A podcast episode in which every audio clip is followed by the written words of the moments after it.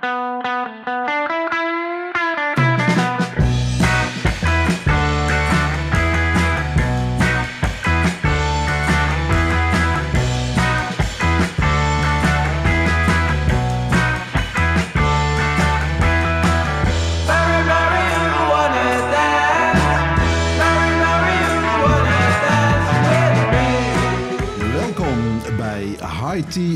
Podcast Live at High Times. De vierde en voorlopig laatste aflevering die we met live publiek opnemen in een van de oudste en mooiste coffeeshops van Eindhoven, de High Times. Mijn naam is Dirk Bergman. En mijn naam is Rens Hoppenbrouwers. En we hebben hier een hele bijzondere gast, een echte veteraan in Nederland. Nou, dat kan je wel zeggen. Eh, onze gast was de eerste hoofdredacteur van High Life Magazine en de laatste van Maanblad Essentie.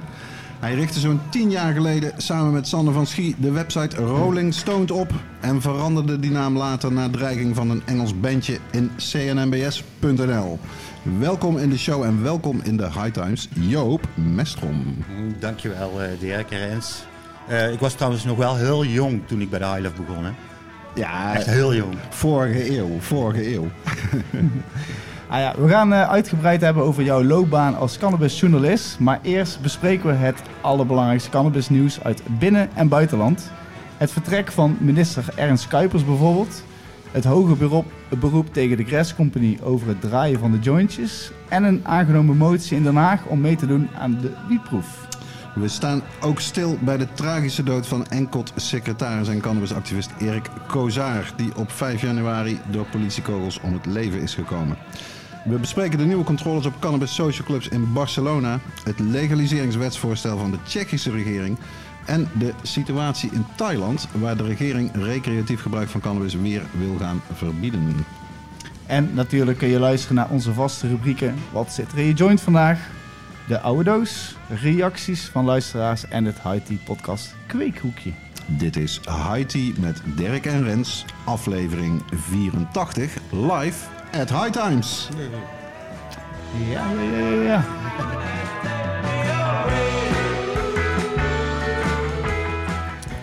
En eh, ja, laten we maar direct beginnen met onze eerste rubriek. Of eh, laten we eerst iedereen welkom heten. Het is een gezellige boel. In ieder geval, iedereen is gekomen. Een heerlijk eh, zondagmiddagsfeertje. Er zijn eh, naast de, de thee en alle andere lekkere hapjes die wij hier iedere keer hebben gehad, zijn er ook eh, mocktails deze keer. Eh mojito's en ook pina coladas volgens mij. Ja, ja, dus, Dus het is genieten vanaf de eerste tel. ja dankjewel voor de gastvrijheid weer, High Times. Zeer zeker. En laten we beginnen met onze eerste rubriek. Wat zit er in je joint vandaag?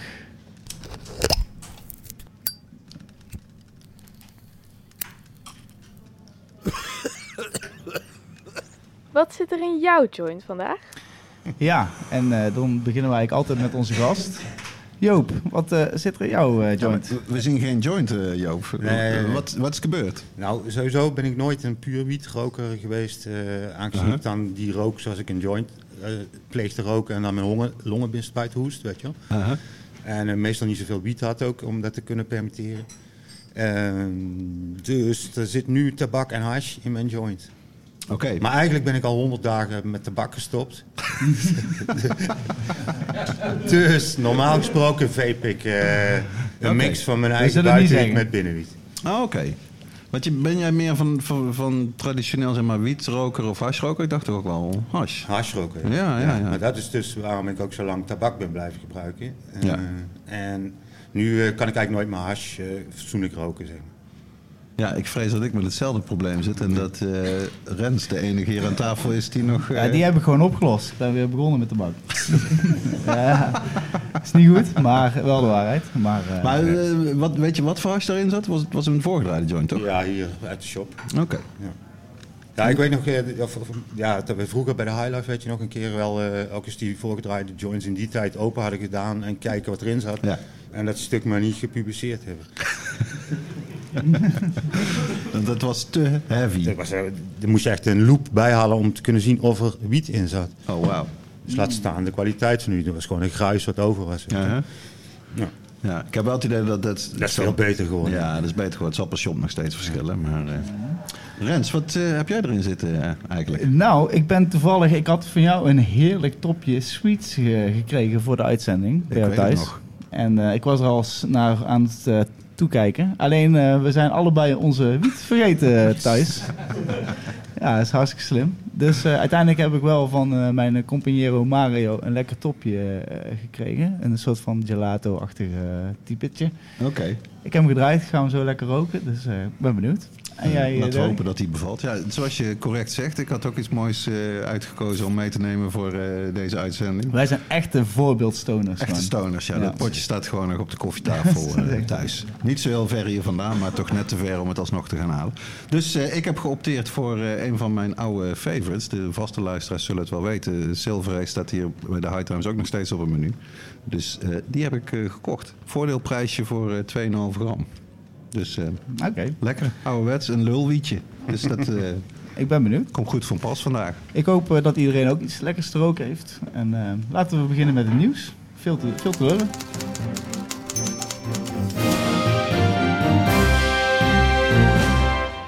Ja, we beginnen met binnenlands cannabisnieuws. Ernst Kuipers heeft een nieuwe baan en is per direct gestopt als minister van VWS. En de, de vraag is of dat invloed gaat hebben op het, wiet, eh, op het wietexperiment en het huidige cannabisbeleid. En jij vreest wel een beetje iets, toch? Eh, Nou ja, ik heb in ieder geval gemerkt dat, dat Kuipers tot nu toe eh, verrassend op de bres heeft gestaan eigenlijk voor de koffieshop. En ook daadwerkelijk geïnteresseerd was. Natuurlijk op 15 december, start van de aanloopfase, wilde hij per se bij zijn. Ook al was het voor de ministerraad. Eh, altijd ook vrij positief over uitgelaten. Dus ik denk dat dat een man was voor het eerst in jaren weer. Waar de branche iets aan had en waar de consument ook iets aan had. Dus ik ben een beetje, ik hou mijn hart een beetje vast voor eh, wat dat inderdaad betekent eh, naar de toekomst. Nou, is geloof ik Connie Helder van de VVD heeft het tijdelijk overgenomen. Maar ja, dadelijk voor een nieuw kabinet is het ook maar een beetje de vraag. Hoewel ik ook wel weer denk, kijk, de wietproef zal niet gestopt worden. Dat, dat verwacht ik niet. Zelfs al krijgen we een kabinet Wilders 1. Maar de, ja, de, soort, de pragmatische manier waarop Kuipers het deed, dat is de vraag of we dat eh, kunnen houden. Hoe kijk jij daar tegenaan, Joop? Nou ja, ik ben bang dat de echte macht over het cannabisbeleid bij justitie ligt en eh, Mhm. minder bij volksgezondheid. En Kuipers is zeker geen verkeerde gast geweest eh, in de zin van al zijn voorgangers, weet je wel. Zeker van zijn eigen partij. Maar eh, eh, als er echt iets moet veranderen en wij pleiten, eh dat experiment is maar zo beperkt, vind ik. Eh, ik wil gewoon dat mensen thuis wiet mogen kweken zonder eh, dat ze bestraft worden of hun huis uit worden gegooid. Patiënten hun medicijn mogen Ja. kweken zonder problemen met de politie. En dan moet je niet bij volksgezondheid zijn. Ja. Dus ik denk dat het niet zoveel uitmaakt. Oké, nou ja, dat is dan in zekere zin weer goed nieuws. nou, hij maakt het een beetje toegankelijker of zo voor de politiek. Om, ook, o- om erover te hebben of zo. Ja. Hij, Ja, hij maakt het meer bespreekbaar. ja dat, dat wel, ja. Maar welke nieuwe baan gaat hij doen? Hè? ja. Dat weten we nog steeds niet, hè, wat die nieuwe baan nou is. eh, Als hij bij. Big Pharma gaat werken, dan hebben we dat er mooi ingelijst. Ja, of hij gaat bij een, eh, bij een legaal cannabisbedrijf werken misschien. Dat zou wel een stunt zijn. Dat zou ook kunnen. Dan mag die columnist worden bij ons. Ja. Eh, ook nieuws in de joint draaizaak tegen de Cres Company. Op 12 januari diende het hoge beroep bij, de- bij het Hof in Den Bosch. En eh, inderdaad, Dirk, ik zag dat jij een column daarover had gewijd. Ja, ik vond het weer een, een typisch staaltje waarvan je toch zou hopen dat we daar in 2024 vanaf zouden zijn onderhand. Ook nu het wiet-experiment begonnen is. Van bizar gedoogbeleid, absurde redeneringen van advocaat-generaal. Want het verhaal is dus alweer zes jaar geleden, denk ik, of zeven jaar geleden, is er in eh, Waalwijk. zegt de politie per toeval bij een soort standaardcontrole, is de, zijn de dames, de Thaise dames die joints aan het draaien waren voor de Grass Company, eh, die zijn ontdekt door de politie en dat is een zaak geworden. En eigenlijk zegt justitie nou dus van ja, weliswaar een voorraad voor een koffieshop, dat, dat wordt gedoogd, dat klopt. Maar het is niet verplicht voor een koffieshop om voorgedraaide joints te hebben. En daarom valt dit niet onder het gedoogbeleid en daarom moeten die mensen eh, straf hebben. Wat mij daar enorm aan tegenstaat is dat ik denk... waar slaat dit in godsnaam op? waarom moet zo'n... Het is ook nog een vrouwelijke advocaat-generaal... waar- waarvan ik eigenlijk wat meer verstand nog zou verwachten... dan van, van mannelijke collega's, misschien onterecht. Maar waar bemoeit ze zich ook mee? Als zij niet in de koffieshop komen, prima. Maar ga toch niet tegen een koffieshop zeggen... het is niet verplicht om voorgedraaide joints te hebben... dus je hebt een probleem. Dus ehm, ze, hebben, ze hebben nog overgetoet, ook het Openbaar Ministerie. Eh, ze willen dat de straf nog hoger wordt. Hoewel die, dat moet ik wel bekennen, eh, mild was. Een voorwaardelijke werkstraf van 20 uur, geloof ik. Maar dat zou dan nou 45 uur moeten worden. Maar denk je ook niet eh, om, eh, dat dit, dit is een koffieshop van Johan van Laarhoven. En Johan van Laarhoven zijn relatie met justitie eh, in het hele verhaal dat Ja. ook meespeelt. En als Dat het deze koffieshop was geweest, waar we nu zitten, High Times, Eindhoven, was het waarschijnlijk helemaal niet zo gegaan. Ja, dat, ik denk dat je daar gelijk in hebt. En dat maakt het nog slechter natuurlijk. Ja. Daar zou justitie juist... eh, ja, de, de, de- rechtsstaat is natuurlijk juist opgebouwd om dat te voorkomen. Ja, maar daar moeten we dus van het gedoogbeleid af. Omdat als je Ja. nu kwaaie zin hebt, kwaad in de zin hebt bij justitie of de overheid om iemand te pakken, kan je dat op talloze manieren doen. Je Absoluut. kan hem ondernemingsvorderingen, bibelpet eroverheen, eh, geld afpakken, wiet afpakken, stash overvallen. Noem maar op, zontje- jointjesdraaier arresteren, Tja. koeriertje pakken, weet je wel. Je kan hem altijd kapot maken, zeg maar. Omdat er niks geregeld is eigenlijk. Ja. Ja, het is heel sneu. Ja, het blijft ook een beetje doorwoekeren. Ja. Maar het zou natuurlijk interessant zijn om te zien. Het kan best dat die rechter toch ook in hoger beroep zegt. dat- dat- Maar ook dat is natuurlijk zoiets. Hè. Dat is dus bij het gerechtshof in Den Bosch drie raadsheren. Wat dit allemaal kost en waar gaat het om, weet je wel. Maar stel dat zij zouden zeggen, wat een onzin dit. Als overal, want dat is natuurlijk, als overal voorgedraaide joints liggen in de koffieshop... dan hoort dat gewoon bij een koffieshop, punt. Ja. En dan hoort dat ook bij, eh, ja, bij wat gedoogd wordt. Je zou de kroegen in Nederland één week op die manier zoals coffeeshops moeten werken. Zou je ze kroegen moeten laten draaien. Maar dan staat heel Den Haag vol met tractors en weet ik wat. allemaal. Zeker weten, ja. Ja, dat denk ik ook wel.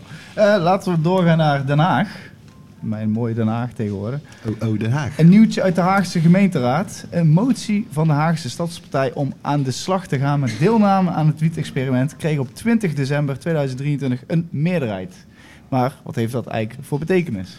Nou ja, concreet betekent het eigenlijk heel weinig. Eh, maar ik denk wel, eh, een woord waar politie heel erg van houdt. Het heeft wel een belangrijke signaalwerking, denk ik. Eh, ik ben het heel erg met Joop eens dat het wiet-experiment natuurlijk zeer beperkt is. En dat als blijkt, zoals nu blijkt, dat op zich die wiet kwalitatief goed is... en dat die prijs ook best eh, concurrerend is... dan lijkt het mij gezond verstand om dat zo snel mogelijk uit te breiden... naar alle coffeeshops en gemeentes die daar aan mee willen doen. En eh, ook meer telers toe te staan, zodat er geen voorraadproblemen daar ontstaan. Dus dat Den Haag dit nu heeft gezegd, lijkt mij mooi. Het is toch een grote stad. Ik geloof dat die stadspartij één zetel heeft in de gemeenteraad. Nou, dat is toch een mooi voorbeeld van heel effectief daarmee omgaan. Want er is dus wel een meerderheid die dat heeft gezegd. Terwijl, ja, wij weten natuurlijk, de, de, de wet die over de wietproef gaat, die heeft, daar kan je niet zomaar steden bij, eh, bij gaan voegen. Maar ehm, misschien toch wel. Als er meer steden komen die eh, met dit soort moties komen en de druk wordt groter van kom op, wij willen ook, niet, wij willen ook gereguleerde wiet. Dan lijkt me dat een goede ontwikkeling. En dan eh, is Den Haag daar in ieder geval een pionier in gebleken. Wel, maar ik denk wel met het kabinet wat er aan zit te komen, wat iedereen verwacht, dat je daar nog wel even geduld mee moet hebben. Ja? Voor, voordat er meerdere steden bij komen. Ja. Nou ja, het feit dat gewoon ook Amsterdam-Oost... Het is dan maar Oost met 10 shots, maar toch dat ze die hebben toegevoegd. Maar ja, dat is natuurlijk... Dat was ja. nog net in het vorige kabinet. Ja. Ja, maar ja, dat is toch ook niet echt een kabinet die de coffeeshops goed gezind... eh, Ik denk wil dat het wordt nog erger, hè? Het wordt ja. nog erger. Ik denk wel Amsterdam-Oost dat het juist een teken is dat ze juist helemaal geen steden kunnen vinden. Want ze hebben toch bijna alle shops hebben, ze medewerking nodig. Ja, En je ziet dat dat gewoon heel lastig was. En ik denk dat ze heel graag iets erbij wilden hebben. En dat ze toen maar gewoon voor een, een deel van Amsterdam of zo. Maar, maar goed, ik denk op het moment dat het daar ook wat beter loopt en de producenten leveren betere producten en het is. eh, ja, en je, je- ja dan, dan zie je dat gemeentes en ook koffieshophouders uit andere steden misschien denken van hallo, ik wil Ja. ook die wiet kopen. Ja, en Eh, dan is het dus heel erg de vraag, wat, wat gaat de landelijke politiek daarmee doen? Vinden Ja. ze dat goed? Of, eh, Kijk, Den Haag is ook lastig. Die hebben ook 35 koffieshops. Ga die ook allemaal maar op één lijn krijgen. dat is een hoop eh, wiet ook. Er is ook een heel veel wiet, maar ook bijvoorbeeld, bijvoorbeeld in Eindhoven zijn er 11 of 12. Ja, dat is al makkelijker eh, bij elkaar te komen om, om, een, om een soort van eh, statement te maken. Maar goed, dit is iets om gewoon in de gaten te houden. Eh, Wel eh, interessant in ieder geval. Ja, maar weet je wat ik daar dan nog. Ik heb ook wel heel vaak. We hebben nog een tweede website, zoals je weet, hè, naast de CNMBS, ook MediWeed site, wat gewoon echt alleen maar feitelijke informatie over medicinale cannabis. Er zijn al heel vaak van die eh, raadsmoties aangenomen dat in dit of dat eh, dorp of stad eh, de kweek van medicinale wiet, daar heb ik het dan even over, gelegaliseerd. Ja, naar Tilburgs Tilburgs model. model. Ja. Maar iedereen schuift dan die bal weer door. Hè. Dan zegt de burgemeester, zegt, nee, dat durf ik niet te beslissen. De politie, of, de politie zegt nee, OM. OM zegt nee, dat doen we niet, weet je wel. En dan hoor je er nooit iets van. Ja. Dus dat is wel jammer dat het op dit niveau, en ook als je een opiniepeiling houdt, het hele volk snapt het ondertussen wel. Weet je wel, alle gemeenteraden snappen het ondertussen wel. De VNG snapt De het. burgemeesters denk ik ook voor het gro- overgrote deel. Maar in Den Haag echt, en dat is dus ook wel gebleken met die verkiezingsuitslag, zitten ze in een aparte bubbel of zo. Ik weet het ook niet eh, waar die mensen hun kennis vandaan halen. Ja. Over ik denk, wiet. Ja, ik denk dat het gewoon, het is gewoon niet makkelijk scoren met wiet, denk ik, bij de bühne. Ja, ik denk Ja, dat dat het, het is altijd, eh, belangrijkste is. Ze willen niet bekend zijn als degene die daar eh, heel positief over zijn. En ze zien het als een niche onderwerp. Ja, maar dit Dat kon je klein 30 is. jaar geleden kon je dat allemaal nog verkopen. Maar nu hebben we in Canada en Ja. in Duitsland straks mag iedereen wiet kweken. Dus waar hebben we het nog over? Ja, het is. hè. Nou ja, als over triest nieuws gesproken, dan Hmm. gaan we door naar het volgende onderwerp. Eh, tragisch nieuws uit het eh, buitenland. De dood van de Duitse cannabisactivist en secretaris van Enkot, Erik Kozar. Eh, wie was hij inderdaad en eh, ja, wat heeft hij betekend voor eh Enkot en dergelijke? Ja, het is een absurd verhaal in feite. Eh, ik ken hem al meer dan tien jaar, Erik. Een Duitser die in de buurt van Wenen woonde met zijn Oostenrijkse vrouw. Eh, hij is onder andere, daar zal ik hem altijd wel voor, blijven herinneren. eh, bij de koffie, eh, de café actie die Enkelt eh, bijna tien jaar geleden heeft gehouden bij de, bij de VN in Wenen, was hij een van die koffiesnuffelaars.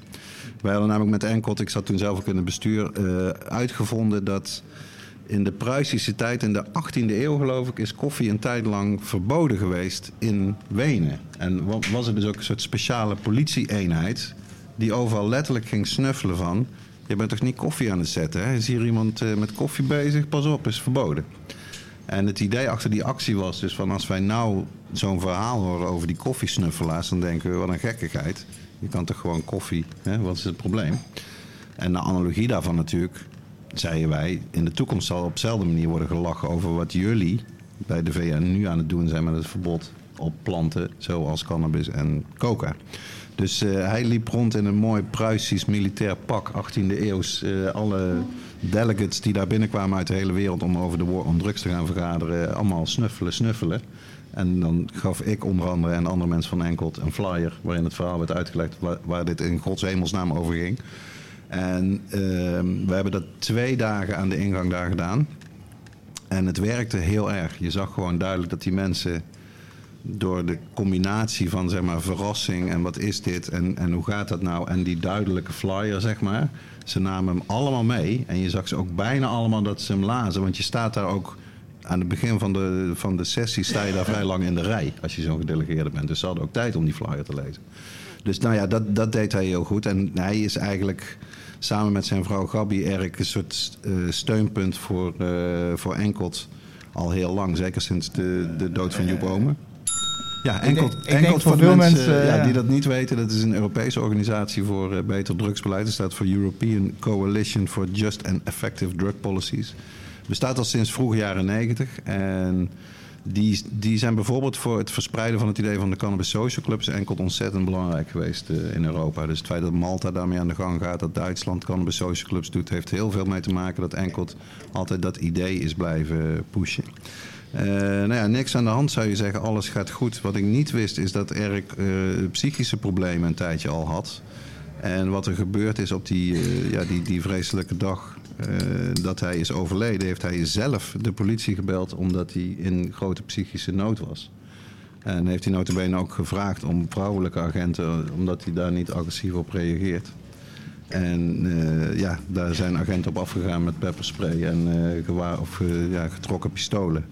En die hebben hem vier kogels door zijn eh, hart en zijn longen geschoten. Terwijl hij volgens zijn vrouw die ernaast stond totaal geen dreiging vormde voor de politie. Dus ja, echt een drama naar alle, naar alle maatstaven. Afschuwelijk. Op dit moment wordt er eh, door Enkelt in ieder geval ook wat geld ingezameld... voor eh, hoe nu verder met, eh met Gabi, zeg maar. Ja, dus dit is echt eh, een, een afschuwelijke klap. Ik kon het toch echt niet geloven toen ik die tweet zag. Weet je wel, zo iemand die ik altijd alleen maar heel super vriendelijk, vredelievend eh, heb meegemaakt. Dus eh, ja, echt afschuwelijk. Ja, en dan toch wel ernstig, maar toch wat minder erg. eh, zorgwekkende bericht uit eh, Barcelona. En eh, volgens sommige media wil de burgemeester alle cannabis social clubs sluiten. En Ja, dat- toevallig heb ik ook gisteren even met een vriend van mij eh, gesproken. Die heeft een social club in, in Barcelona, de, Pietro van de Denkres Club. En die zei inderdaad dat er, dat er best wel enorme stress was onder de cannabis social club houders. Want dit Omdat- is natuurlijk eerder al. Ja, maar er worden inderdaad controles, controles uitgevoerd. Maar hij zei wel van, er is verder, als je gewoon een beetje netjes doet, is er eh, weinig aan de hand. Oké. Dus dat was wel, maar hij was wel enorm gestrest in ieder geval. eh. Ja, ik heb een stuk over gelezen van Canyamo, zeg maar de, het blad van, eh, van Spanje over, over cannabis. En zij schreven dat er ehm, bij de 233 clubs die in Barcelona zijn met een vergunning inmiddels 190 inspecties zijn uitgevoerd sinds eh, eind december. Dus dat is inderdaad wel die, eh, een van die controles. is, hè? Ja, er werd een procedure geopend tegen 85 en eentje is gesloten. Zo. En van de 85 gecorrigeerde, of van die 85 eh, hebben meer dan de helft hun tekortkomingen gecorrigeerd. Het ging dan eh, of ze bijvoorbeeld een bordje buiten de deur hadden hangen wat niet mocht of zo. Waardoor ze dan weer open mochten. Maar in ongeveer 25% van de dossiers eh, moet nog besloten worden. Dus het lijkt daar, als je daarop afgaat, toch een beetje zo te zijn. Eh, er zullen er een paar dichtgaan, maar vooral zullen er een paar hè, hun bedrijfsvoering wat aanpassen en toch gewoon kunnen, kunnen blijven bestaan. Eentje op Maar- 85 moet je niet echt... eh, Nee, ik, zie- ik zie het ook gewoon een beetje om de, eh, de OM van Spanje een beetje tevreden te houden of zo. Of de, of de nieuwe burgemeester een beetje tevreden te houden. Ja. Ik weet het niet. Klinkt, het is meer inderdaad, het klinkt vaak erger dan het echt is. Nou ja, ik kan wel zeggen, wij kregen op de redactie van eh CNMS kregen we ook een mailtje binnen van eh, een, eh, Igor uit eh, Barcelona met zijn eh, club daar. Mhm. Dat we niet moesten denken dat het dit keer weer hetzelfde was als de vorige keer. en Dat het echt serieus was. Oké. Ja, precies. Dat of heb we ik dat toch- wilden delen en Ja. zo heb je misschien ook gehad, de Ja, dat heb ik er ook wel meegekregen. ja. Ja, maar hij zit er eh, daar middenin, wij niet natuurlijk. Ja. Eh, Ze zijn wel ook bezig met een handtekeningenactie, als het goed is. eh. Nou ja, Kanjamo heeft ook gesproken met een advocaat eh, die voor veel clubs werkt. En die zegt ook dat de, de, de gemeente doet nou net... Kijk, er is een hoge, een, een, een, eh, ge- hoog, hoge rechtshof uitspraak geweest in Spanje. Die heeft gezegd eigenlijk dat de lokale autoriteiten niet bij machten zijn... om die cannabis helemaal te reguleren. Wat ze eigenlijk wilden. Dus die uitspraak ligt er. En nou doet de gemeente net alsof het betekent dat daardoor al die vergunningen in één keer zijn vervallen. En deze advocaat zegt in ieder geval, dat is dus niet zo. En als ze een club willen sluiten, moeten ze individueel per club uitleggen of onderzoeken waarom dit dan niet zou kunnen. En hij zegt, ze kunnen dan ook allemaal een, eh, een schadeclaim gaan indienen omdat ze wel degelijk een vergunning hebben gekregen. En dan zegt hij inderdaad, er zijn 180 clubs die zo'n vergunning hebben van de gemeente. Die zullen allemaal ongeveer 100.000 kunnen claimen. En dan stelt hij de retorische vraag. Is het 18 miljoen euro waard om de clubs te sluiten omdat ze het image van de stad verstoren? Ja, 18 miljoen met de huidige inflatie, ik zou ook gelijk tekenen. Om al die shops af te komen, ja, dat zou goedkoop kunnen. Ja, dat is, dat is inderdaad.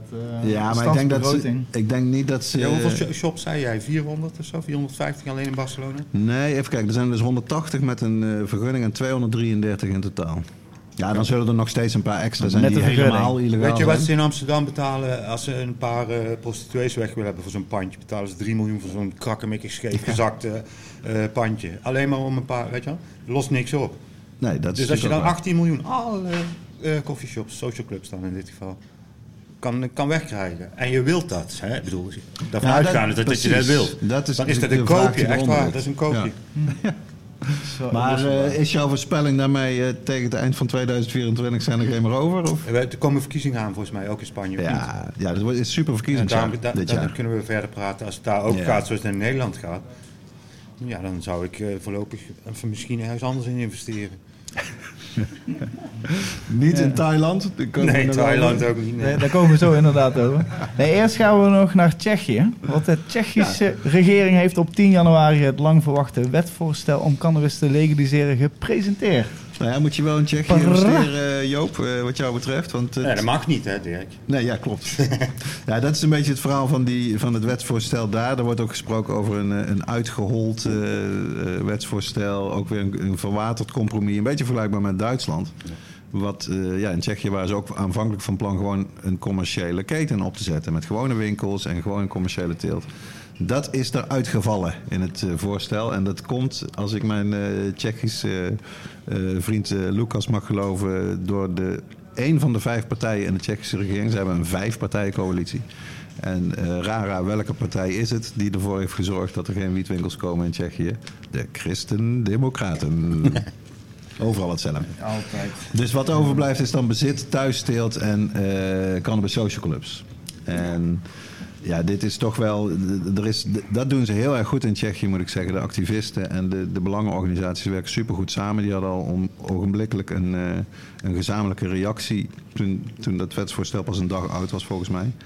En dat zeggen ze in het Engels. Ik heb het citaat hier. Allowing both self-growing and cannabis clubs are two very important steps in the right direction. But they do not address one of the main problems resulting from the current repressive approach. The huge and ever-increasing profits of illegal producers and dealers who pose the greatest risk to youth and hence to society as a whole. Oftewel, als je geen winkels hebt, dan ga je die zwarte markt niet wegkrijgen. Ook al is het heel fijn dat mensen natuurlijk thuis hun plantjes mogen hebben. Maar als je het echt stappen wil zetten, dan heb je gewoon winkels nodig of coffeeshops. Ja, maar ja, Europa eh, ligt wat dat betreft ook dwars, hè? Ja, maar Het is is natuurlijk niet dat dat die? Duitsers dat Is- zo graag wilden intrekken, maar dat is, die hebben dat uitgevogeld in Brussel. Ja, maar hoe zeker weten we dat? dat Ja, nee, weet je nog dat ze vroeger in Nederland alles onmogelijk maakten met... Oh, maar dat mag niet van de internationale verdragen. ja, maar ja, dat, dat bleek dus ook niet te kloppen. Nee, precies. Wat nu, wat nu gebeurt met Duitsland, nog steeds is dat volgens mij zo. Eh, welke eurocommissaris heeft precies gezegd tegen Duitsland dat het niet mocht wat ze wilden doen? Eh, is er een brief daarover verschenen waarin staat dat het niet mag wat ze wilden gaan doen? Nee, Toen was jij net er- even plassen. Nee. dat is er allemaal niet, volgens mij. En dat betekent dat, zoals politici heel vaak doen, ook in Nederland... eh, als, je, als je het wil verkopen, dan moet je gewoon zeggen... ja, ik wil het wel, maar Brussel zei dat het niet mocht. Ja. Dus als dat waar is, dat Brussel dat helemaal niet met zoveel woorden heeft gezegd... dan is het gek dat Tsjechië... Maar goed, dat zou dan dus aan die nee, Dirk- vermalendijde christendemocraten liggen. Erik, wij gaan nu al 30 jaar tekeer, zeg maar. Hè? Voor de goede zaak. Eh, inderdaad. Nee, heb nee. je ook al 30 jaar horen. horen Jawel, maar, voeren. maar als je nou legaal thuis mag kweken en je kan je eventueel als je geen zin hebt of geen tijd of geen geld of Naar geen de club. plekken om te kweken aansluiten bij een social club en aan je wiet komen, dan ben je toch oneindig veel beter en verder eh, dan hier. Ik moet zeggen, die, die voorgedraaide hashjoint die jij hier hebt gekocht, die doet zijn werk. Want jij weet overal een optimistische draai aan te geven. Dat eh, is geweldig. Ja. Misschien moet je jou toch als vaste sidekick eh, in de nieuwsrubriek zetten. Geweldig. Ik kan ook bellen dan, hè, inbellen. Inbellen. Ja, precies. Nou ja, nou ja, we laten we dan toch gaan overgaan naar het laatste nieuwsartikeltje. Eh, Thailand. Daar kunnen we niet omheen. Eh, Ja. eh, CNN en eh, allerlei grote media brachten dat nieuws natuurlijk. Eh, Thailand, de grote rollback. Eh, jij had volgens mij op CNMBS de kop... na 18 maanden is het wietfeest alweer voorbij. Ja, ja. ja. Gebaseerd ook op wat ik allemaal gelezen heb en zo. Aha, in de internationale media. Het gaat dus nog, eh, laten we dat even benoemen, om een wetsvoorstel. Het is, het is Oké, nog maar niet vanuit de regering en niet Ja. vanuit de oppositie. En dat is het grote verschil natuurlijk. Ja. Maar jij gaat voetstoots vanuit, hup, dat gaan ze gewoon zo aannemen. Nou, het, het feest is voorbij. Daarmee bedoel ik, alles kan, alles mag. Lang Ja, leven de lol, 6000 koffieshops in een half jaar tijd. Ja. Iedereen thuis wiet kweken en verkopen op. ah, het toerisme uit China en eh, zo, weet je. Iedereen, eh, Nieuwe Amsterdam, je kent het wel. Dat is wel een beetje, daar gaan ze wel reguleren, ja. En of ze helemaal recreatief willen ze helemaal gaan verbieden. Nou ja, 1250 euro boete voor het opsteken van een recreatieve joint, whatever the fuck that may be. Nou ja, dat betekent de- dat dat een joint is die jij rookt als je niet een papiertje hebt met een stempeltje ja, dat erop. snap ik, dat snap ik. Ja, maar ja, dat papiertje met dat stempeltje, hoe makkelijk en hoe goedkoop ga je dat in een nieuwe situatie kunnen krijgen? Net als in Amerika dat de dokter tussen aanhalingstekens gewoon in Nee. de winkel aanwezig is. Ja, dat is het, ja. Ja, dan maakt het niet zo gek veel uit. De Thaise regering en de overheid wil denk ik zelf het grote geld verdienen met die cannabis.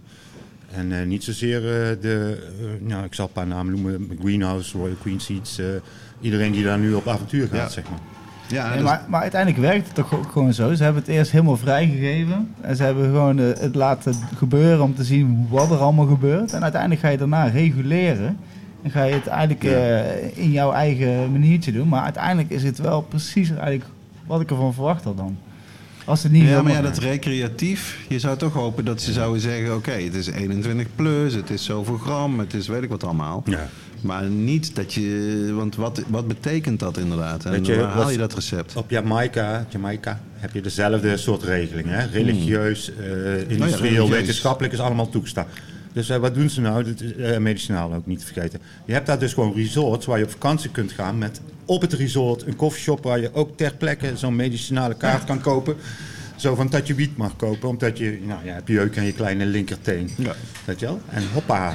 Zo kan je het ook regelen, weet je wel. En eh, Je hebt een, eh, een overschot aan oorsmeer. Dus ja, kom, kom door met die medicinale wiet. Nou ja, uiteindelijk, het is toch wel, als het zo moet, ja, helaas Ja, moet het maar moet. even. Maar ja, ja het, is, het is vervelend. Het is, maar goed, ik wil nog wel heel graag nog naar Thailand. Alleen, Ja, inderdaad, we zijn zie, volgens mij gewoon te laat, eh, Rens. ja, klopt. Maar we je ziet die, eerder moeten die, gaan. die stories op Instagram van mensen. Dan gewoon echt, eh, in plaats van eh, kraampjes op de straat met voedsel, hebben ze nou kraampjes met wiet. Weet Ja, je wel? Dat is wel. maar de party is over, eh, Rens. ja, fuck. Als Nou, je open het zegt, dan eh nou ja, het. de party is vooral over voor de eh, mensen die daar heel snel heel rijk willen worden. Ja. Met cannabis. Ja. De party voor jou, overigens, als je daar lekker op vakantie gaat, dat denk ik niet, nee. Want toen was hij al niet.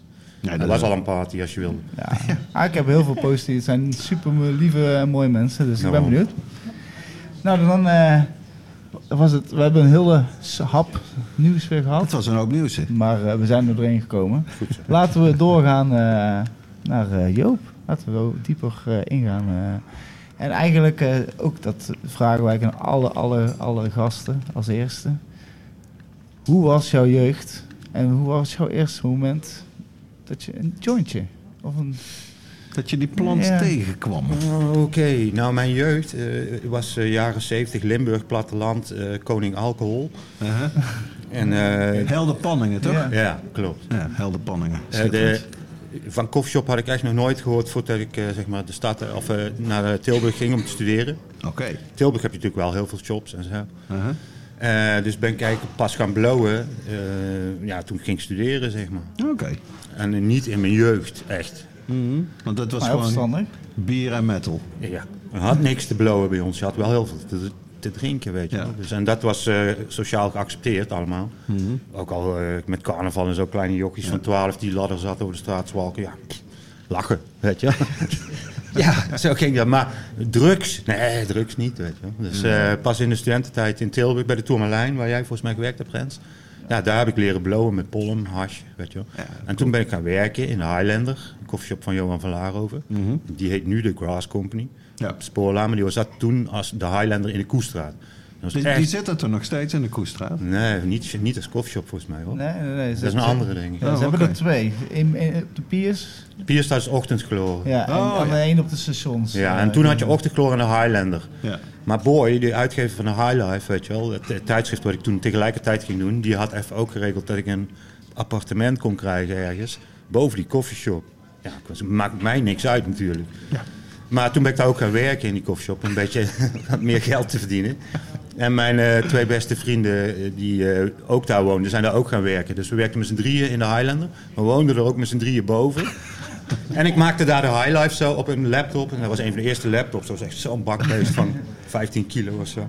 Maar gewoon aan de bar van de koffieshop. En dan stond je in je eentje. En de Highlander moest en de drankjes en het dealen. Dat Moest je, En de highlight volschrijven. en de Highlife vol schrijven. Maar dan kwam er eentje van boven zo van, eh, van mijn vrienden zo met eh, biefstuk en friet, en champignons en zo. Weet je, lekker Ja. geuren. En in die, in die koffieshop kon je alleen een tosti krijgen en een broodje papau. ja, dus dat was Maar je skipt daar eventjes over. Sorry. hoe is die, hoe is die eh, connectie tussen jou en de highlife? Tussen jou en Boy Ramsay destijds? hoe ging dat? Nou, eh, in wezen puur toeval, zoals de meeste dingen in het leven Ja. uiteindelijk redelijk toevallig eh, tot stand komen. Ehm, iemand anders zou eigenlijk eh, gaan solliciteren. Een vriend van mij, maar die had geen zin. Eh, ga jij maar. Ja, ga jij maar. Weet je wel? Dus ik naar Schijndel. Dat ligt in de buurt van Den Bosch ergens. En met Boy, Boy had een ruimte gehuurd, Boy Ramsay. eh, had een ruimte gehuurd ergens op een industrieterreintje in Schijndel. was nog niks, er stond echt nog geen bureau, geen stoel. En daar heb ik eh, die job gekregen dus. En toen ben ik echt met lege A4'tjes zo in dat kantoortje met de eerste highlight aan de slag gegaan. Want weet je nog wat hij zeg maar, een beetje vroeg? bij wijze van sollicitatiegesprek? Nou, Wat wil hij eh, weten van jou? Kijk, ik had natuurlijk enorm gebluft wel. Van, Ja. ik, ik was net van school voor journalistiek af. Eh, ik zeg, nou ja, daar heb ik jaren voor geleerd wat jij zoekt. maar praktijkervaring had ik natuurlijk nog niet echt. Uh, ja, behalve stage bij een nieuwe revue, tijdschrift, Nou ja. weet je wel. Dus, eh, maar goed, eh, een beetje gebluft. Maar hij was net zo oud als ik, hè, vergeet het niet. We waren al bij 25 of zo, dus ja. Twee jonge gastjes en zo is het begonnen. Ja, Ja, grappig. In het begin vier keer per jaar, hè? De, de ja kwartaal. Ja. Wat later twee maandelijks en toen maandelijks. Hè. Maar dat heb ik niet meer meegemaakt volgens mij. ja. Wat, wat was jouw idee? Je, je zegt dat, je, echt van scratch begonnen met letterlijk witte vellen op de vloer. Ja. Wat, wat vond jij eh, belangrijk, de belangrijkste onderdelen van een tijdschrift voor, voor cannabisconsumenten, zoals we dat nou zeggen? Voor blowers. Ja, nou in die tijd, dan praat je dus over dat ik ermee begon, eh 92 geloof ik. Hè? Eind 92, begin 93 eh, kwam het uit. Ja, voorlichting was heel belangrijk. En met name ook het eh, weg proberen te nemen van het criminele stempel wat erop hing. Hè? Want het was natuurlijk nog allemaal eh, drugs. Hè? Ja. En eh, ja, zo geaccepteerd als dat het nu is, was het zeker niet in die jaren. En er was dus ook geen enkele mogelijkheid voor die coffeeshops en die growshops en zo om te adverteren. Ja. Dat, dat was Boy zijn inbreng. Die wilde een gidsje maken waarin advertenties konden staan. En cannabis eh, ja, was het onderwerp, weet je. Ja. Dus hij heeft wel eh, met dat blad eigenlijk eh, ja, die commercie die toch al op gang kwam. En met internet natuurlijk nog alleen maar versneld is, ja, die heeft hij wel ge- opgestart met Highlife. En ik heb dat blaadje volgeschreven, hè? Ja, met jou samen en andere mensen. Nou, en, en er kwam ook al heel snel kwam het idee bij van we doen een cup en, we- en het wordt een festival. Ja, dat was vet. Ja, hoe, kijk je daarop terug? Kijk, Boy wilde een festival, eh, een soort beurs, hè, wat hij later ook eh, puur is gaan Ja. doen, zeg maar. Dat wilde hij. Ik wilde graag een soort lowlands, maar dan blowlands, weet je wel. Ja, heel simpel. En het liefst drie dagen met allemaal bands en zo. Je ziet het voor je. Dat is geweldig. Tuurlijk. Vergeet niet dat je in die tijd 30 gram eh eh, hash of wiet op zak mocht hebben. 30 gram. Ja, dat is wel belangrijk om zo'n festival te Juist, met 5 gram kan je maar Ja, beter ja. één dagsfestival houden. 30 gram, dan lukt het wel weer. Ja, ja, precies. Dat lukt net, ik ken het. Ja, ja dus wij, eh, ja, ik mocht dan zeggen van, ja Joop, bedenk maar, wat wil je hebben? Ik zei, doe maar Cypress Hill dan. Weet je wel, nou op, een uur later belt hij dan op. Het is geregeld, weet je wel. ik heb een sponsor voor eh, Cypress Hill, ga het maar regelen. Nou, mooi toch? Als, eh, dat waren de gouden jaren, hè. Echt kon alles. Ja. Coffeeshops konden ook gewoon adverteren. Ja. Het- wat je zegt, alles ging toen omhoog. Het aantal shops steeg nog. Het aantal grow shops kwam echt wel letterlijk Zo. elke week eentje erbij, zeg maar. En 06 bezorgdienstjes met eh, stekjes thuis en zo. Ja, de Wietax. Ik heb nog door Amsterdam gefietst, echt met gewoon open en bloot eh, op, op mijn fiets gewoon eh tien wietplantjes of zo, weet je wel. Nee, die ging je dan gewoon kopen in de growshop. Als je dat nou doet, dan eh, schieten ze op je. Ja, ja nu wel. ja. Nee, maar snap je dat ik af en toe wel moe word, eh, naarmate je dan weer eh, ja, moet de wiet-experiment gaan toejuichen. Joehoe. Ja. nou ja, je moet het extreem pragmatisch benaderen. Namelijk van, het is nou eenmaal wat we hebben. Cynisch, cynisch. Beetje ja, cynisch. Ja, maar ja, dan moet je precies niet... Nee, maar wat, Canada en Amerika, als dat er niet was geweest, dan, eh, snap je, had Ja, ik jou gelijk gegeven. Maar we zijn toch wel iets verder inmiddels dan een wiet-experiment in de wereld. Nou ja, kijk, dat, dat blijft ook een van mijn stokpaardjes. Nog steeds is het zo dat de combinatie kopen zonder lidmaatschap of iets... en hier, zoals hier, binnenlopen en die joint opsteken... al moet je dan puur zijn, Ja. dat is nergens. On-site consumption lounges zijn ze wel mee bezig. Hè? Las Vegas heeft wel goed gekeurd en ja, LA. Ja, precies. East maar Hollywood of maar wat dan is het altijd dat je niet kan kopen in het ding. Nee, maar dan mag je wel een koffieshop. Dat mag nu ook niet meer. Kijk, die scheiding is hier ook. Ja, dat is ook Kijk, daar koop je. Hier ga je blowen. Ja. Snap je? Dus die scheiding is. En in eh, Haarlem, waar ik eh, dan woon, heb je het nog soms veel strenger. Hè? Bij die Willy Wortel, weet je wel. Hmm. Daar ga je een hele lange trap omhoog. Daar zit gewoon bam, bats in één keer de dealer, weet je wel. En eh, de rest, dat is door dat rookverbod, weet je wel. Ja. en door de rest, door die enorme ruimte, is dan koffieshop. eh, met pooltafels en, eh, en tafelvoetbal, weet je wel. Daar zit iedereen. Maar die dealer, die is er natuurlijk wel heel slecht aan de, vanaf gekomen van het rookverbod. Ja, absoluut. Die zit zijn eentje aan de bovenkant van de trap, weet je wel. Zit de hele tijd te kijken. Zo, er komt er- Gezellig. Komt er weer een. Nee, want hoe kijk jij daar, daar überhaupt tegenaan? Eh, Denk jij dat die, die, die ouderwetse koffieshop, om het zo maar eens even te noemen, dat die kan overleven? Met, je mag hier alleen maar eh, puur roken of vapen? Of denk je dat het een moeilijk verhaal wordt? Weet je, allemaal regeltjes, regeltjes. Ja. Ik hoop dat ze wel overleven. Ik vind misschien Cannabis Café ook wel een leukere naam dan Coffeeshop. Eh, want die coffeeshop hoort ook wel bij mij heel erg bij het gedoogbeleid, weet je wel. En eh, Ja. bij die typisch Nederlandse situatie, we noemen het coffeeshop, ja, we noemen het gewoon Cannabis Café. Ja, en dan mag je Ja. blowen, ja. Nou, en breng dan in godsnaam die rookruimte terug, waar heel veel eh, in geïnvesteerd was, ook door heel veel kroegen. En dan schaf ze het weer af, weet je. Dan mag het weer niet. Ja, dan denk ik van ja, regeltjes, regeltjes, regeltjes. Ja, Zullen we het milieu misschien een keer gaan redden of zo? ja. ja inderdaad. Ja, of stoppen met de oorlog. Nou ja, je moet je inderdaad ook Arme afvragen mensen een huis wie- geven. We kunnen ook andere keuzes maken, hè, weet je wel. Ja, nou ja, wie heeft er precies voordeel bij dat idee? Dat wij hier nou niet meer, zoals wij hier nou zitten. Ik rook inmiddels alleen nog maar puur zonder tabak. Maar jullie niet. Dus Jawel, ik vape. Ik, ik rook helemaal niet Ja, meer. oké. Maar hier, nu eh, ga ik niet vapen. En dan heb ik weer een hash joint. Maar die mocht ik hier niet oproken. Dus heb ik hem buiten in de kou opgerookt. ja, je moet, eh, als de regels er zijn, moet je je er eh, aan houden. Ja, dat vind jij. Kijk, het is, niet, eh, het is niet dat ik per se voor een tabaksjoint ben met heerlijke hash en zo. eh, maar eh, ja, eigenlijk zou daar nog steeds wel een soort van eh gedoogblijf voor moeten zijn. Weet je Ja, wel. kunnen mensen niet gewoon eens wat meer werk maken van een hele goede tabaksvervanger voor hashjoints? Ik heb toevallig deze week de hand kunnen leggen, ik heb hem nog niet gerookt, op een voorgedraaide joint van Kan Adelaar. En die gebruiken als tabaksvervanger CBD-wiet. Oh ja, ja, dat is al lang bekend dat mensen dat doen. Ja, maar dan dus- ben je twee keer duur uit, hè? Want CBD-wiet in de koffieshop kost bijna hetzelfde als gewone wiet, man. Snap je? Dat- Nou. ja, ja, ja oké, maar je betaalt er wel veel meer voor dan dat je qua tabak, Ja, in je eh, jointje legt, weet je wel. Maar eh, dat doen ze ook voor het mellow effect dan, hè? Weet je wel, een bedje van CBD met eh, in het midden een rolletje hash Ja. of concentraat of zo. En dan eh, Ja, ga je lekker hard, maar je bent er nog wel bij. Nou ja, uiteindelijk is de beste tabaksvervanger wel gewoon cannabis, weet je wel. En ja, als je een soort van neutrale laag kan hebben en je kan er gewoon lekkere hash bij doen, Ja. Dan zie ik er best wel nog wel voordeel in. Je kan ook gewoon een hennep gebruiken, hè? Gewoon een hennep, hennep, hennep. Die je bij die, die headshots Mhm. Ja, maar kan dat is volgens mij vies. Dat heb ik wel eens geprobeerd. Het is beter dan eh tabaksvervangers. Oké. Nou ja, ik wil gewoon smaakvolle CBD-wiet met weinig eh, effect. En dan goede hash erin. Dat is wat ik wil. Komt eraan, eh Leut. Nee, maar in Amerika gaat het dus wel komen. hè. Eh, en in Canada ook al die on-site consumption lounges, weet je wel. Het enige wat je moet doen is zeg maar een, een, een fysieke afscheiding, dus een muur hebben tussen die twee locaties. Maar dan kan je het links kopen en dan kan je het rechts oproken. Ja, ja. Maar ook dat, eh, in Californië is het gewoon gevetood, hè? Door de, door Ja, dat, dat snap ik ook niet. Dat Nee, is ik notabene een democraat. Ja. Heel gek. Ja.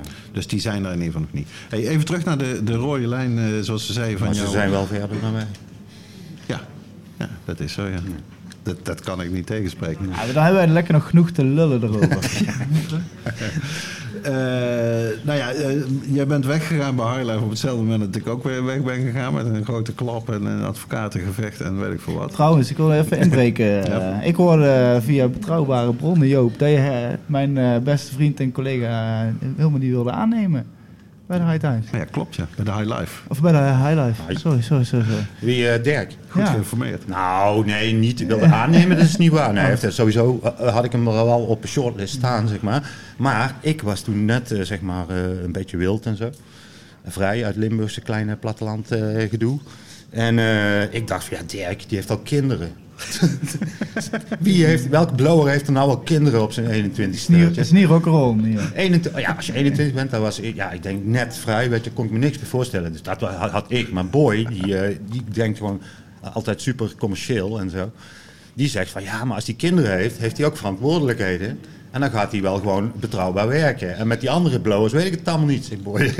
zeg, ja, daar heb je wel een punt. Dus, eh nou, zodoende. Maar eh, het is niet dat ik Dirk niet wil en Nee, Boy die mij door de strot heeft geduwd. Want dat mocht ik gelukkig wel beslissen. En ik moest in Tilburg tegenover waar de Grass Company zit, in dat hotel. Tegenover het station, daar moest ik eh, de sollicitaties doen. Ja, uniek. Ja, ja eigenlijk bizar. Ja, wel, wel een leuke verhaal eh, in ieder geval. Ja. Maar, maar goed, sorry. Jij bent daarna een tijdje eh, zeg maar uit de cannabisjournalistiek geweest. Ja. Om, de, om er later weer terug te keren natuurlijk bij Essentie. Wat, ik me daar eh, bij afvroeg... Nou ja, eh, ja, klopt. We zijn met z'n allen eerst natuurlijk nog zin gaan doen. Ja. Een ander tijdstip, Ja. jongere tijdstip, breder met muziek ook en andere Ja. dingen, weet je wel. ja, ook eh, op een fles gegaan. Zoals eh, meerdere dingen op een fles gaan natuurlijk, qua media Mhm. probeersels. En toen ben ik een heel aantal dingen gaan doen die niks met cannabis te maken hadden. Wel met muziek soms nog. Ja. Weet je wel, want dat is mijn andere grote liefde. Nee, want dat vroeg me af, wat, wat waren de grote verschillen die je toen merkte tussen zeg maar, die wereld van cannabis en cannabisjournalistiek en die, de meer mainstream journalistiek die je bent genoemd, zoals Panorama en Ja. andere tijdschriften ook? Wat het verschil is? Ja, Nou ja, ik vind de subcultuur die cannabis is, dat is natuurlijk bij grote tijdschriften is geen subcultuur. Alles is eh, zoveel mogelijk verkopen. ja. Ja. En eh, als je afwijkt van het geëikte plaatje of het plan, ja, dan pas je al snel niet eh, Mhm. in het team. dus dan krijg je mot met een manager of zo. De manager is de meest zinloze uitvinding ooit. Ik heb het er ook niet zo op. Daarom Nee. vind ik het ook zo fijn om altijd Er freelance zit iemand die, te zijn. die verdient tien keer zoveel als jij en die snapt er echt tien keer zo weinig van. Ja. Ja, dat is wel een goede definitie van een manager. Ja. nee, dus dat ging altijd, eh, ging bij mij nooit goed. Ik ik kan, eh, en nu zijn we, ja, toen ben ik bij Essentie weer teruggekomen, ja, bij Ja. Wimpy. En jij zat daar ook weer. Ja, grappig en was en nog dat. een paar andere mensen die er ook al, eh, weet je wel, bij de half tijd ook al mee bezig waren. Lama, Ja, dat soort dingen. Ja, nee, dus Essentie, maar ja, dat was een tijdschrift en dat was inmiddels 2010.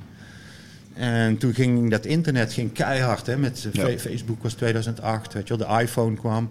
Eh, je kon gewoon op je mobieltje internetten, dus eh, het ging steeds slechter met print gewoon, omdat het een dure hobby is. Als je het ook nog moet distribueren, je moet het drukken. Terwijl met internet, je tikt het, ja, je zoekt een beeld bij PAM. ja. Je kan heel direct, je kan het nog aanpassen als het misgegaan is met een fout of zo. Kan je bij een blad ook niet, staat er Mhm. weer een blunder in, weet je. ja, nee, dus dat liep ook af uiteindelijk. Eh, na twee Ja, jaar. dat was de- met, met Essentie is het toch echt wel de grootshop. wat- Die was toch echt wel de doodklap. Ja, die kwam ook nog eens, ja. Ja, toch? Dat Ja. toen eigenlijk alle adverteerders die je nog wel had, ja. die, renden toen ook weg. Ja, ik zal je nog sterker vertellen. Die angst ehm, die daar toen is gezaaid, die paniek zo van we pakken alles aan. En ook als jij dus topcontacten komt aanleggen in mijn kweekruimte, Tja. Dan ben jij ook een facilitator en dan kan je er zelf de straf krijgen. Weet je. Die angst die heeft in de business, in de, in de cannabisindustrie, eh, best wel doorgewerkt tot op de dag van vandaag. Vertel mij anders maar waarom er geen enkel voedingsmerk meer durft te adverteren op CNMBS.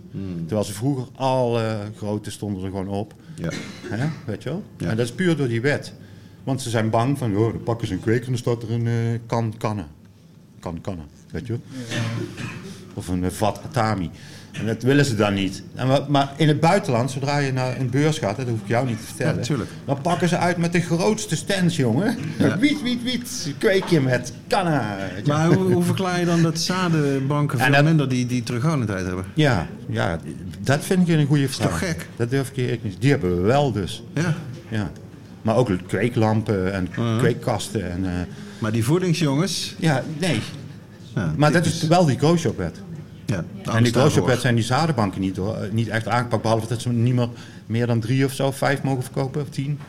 Ja, volgens Zoiets. mij zijn er allemaal, eh, wat je zegt, regeltjes, regeltjes. Ja. Dat hebben ze daar natuurlijk ook. Maar je kan wel elke dag gewoon opnieuw tien bestellen als je er toch honderd moet Ja. hebben, weet je. Ja.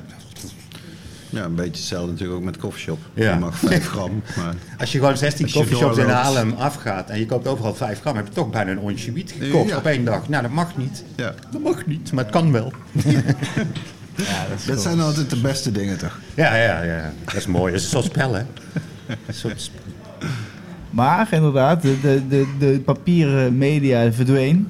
En toen dacht Ja. jij, ik moet iets anders gaan Nee, doen. toen zat ik in de WW. Ja. En eh, Sanne, mijn eh, maat van eh, Rolling Stone en Mediweed site en zo, die eh, zat ook in de WW, want hij was de vormgever van Essentie. En hij bleef aan mijn kop zeggen, ik wil weer een blaadje maken, ik wil weer een blaadje maken. Ik zeg, nou ben ik echt klaar met blaadjes maken. Want eh, ik had het toen 20 jaar gedaan of zo, 25 jaar. En er waren al vijf keer ben ik over de kop gegaan met een blaadje. Ja. En eh, al, bij die, al die andere blaadjes ging het ook niet goed. Weet je. Ging ook down eh, de hill. Dus ik doe geen blaadje meer. Toen gingen we een keer eh Jeu de Boule tanken in het park. Met een dikke joint en een biertje erbij. En toen kregen we ineens zo'n soort ingeving. We gaan online. Ja, nou ja, zoiets ja. Rolling Stone. Geweldige naam, weet je wel. En toen zijn we gewoon eh, met behoud van uitkering... zijn we alvast eh, begonnen om die website te bouwen. Echt ook met een handboek. Hoe bouw ik een website? Wisten wij veel. We kwamen uit de tijdschriftenwereld. Weet je. We hadden net een website, weet je wel. Maar ik wilde eigenlijk niks mee met die site, bij Essentie. Dus eh nou, zodoende zelf geleerd, helemaal do-it-yourself. Eh kregen we een half jaar de tijd. En toen moesten we beslissen of het doorging of niet. Dus we begonnen met nul page views. En eh, een half jaar later zeiden we, ja, we gaan ermee door. Ja, En nu zijn we tien jaar verder. ja een jubileumjaar eigenlijk, hè, dit ja, ja. jaar. Ja, en dezelfde week als Colorado het legaliseerde, weet je wel, recreatief cannabis, zijn wij toen de lucht ingegaan met Rolling Stones. Dus dat vond ik wel mooi symbolisch. En. Uruguay was net die maand daarvoor, weet je wel, Ja, ja, december. Dat zijn wel ook echt de grote mijlpalen, toch? Ja, toch? De eerste staten die gingen. Ja. Dus op het juiste moment eh, erin gestapt met iets onlines, want dat was nog een beetje onontgonnen gebied op cannabis. Eh, eh, ja, weet je voor de mensen. Kijk, ik benadruk, ik ben geen eh spreekbuis van wie dan ook in de cannabiswereld, gelukkig niet. Wel misschien ooit geweest, hè, half. maar nu zijn we volstrekt onafhankelijk en we hebben ons eigen publiek en dat is eh, super gaaf om te doen. Leuk kantoortje in Haarlem, weet je. Dus. En medicinale eh, hebben we er later bij gedaan. Na een aantal jaren dachten we, dat is zo interessant. En ook zo afwijkend eigenlijk weer van het wiet kweken, hoe je moet wiet kweken. Ja. En de koffieshop zien en zo. Dat is een heel andere wereld gewoon, dat medicinale. Dus dat hebben we apart getrokken. En eh, een tijdje zelfs gewoon één vast iemand op gehad die daar eh, alleen maar over medicinale cannabis schrijft. Ja.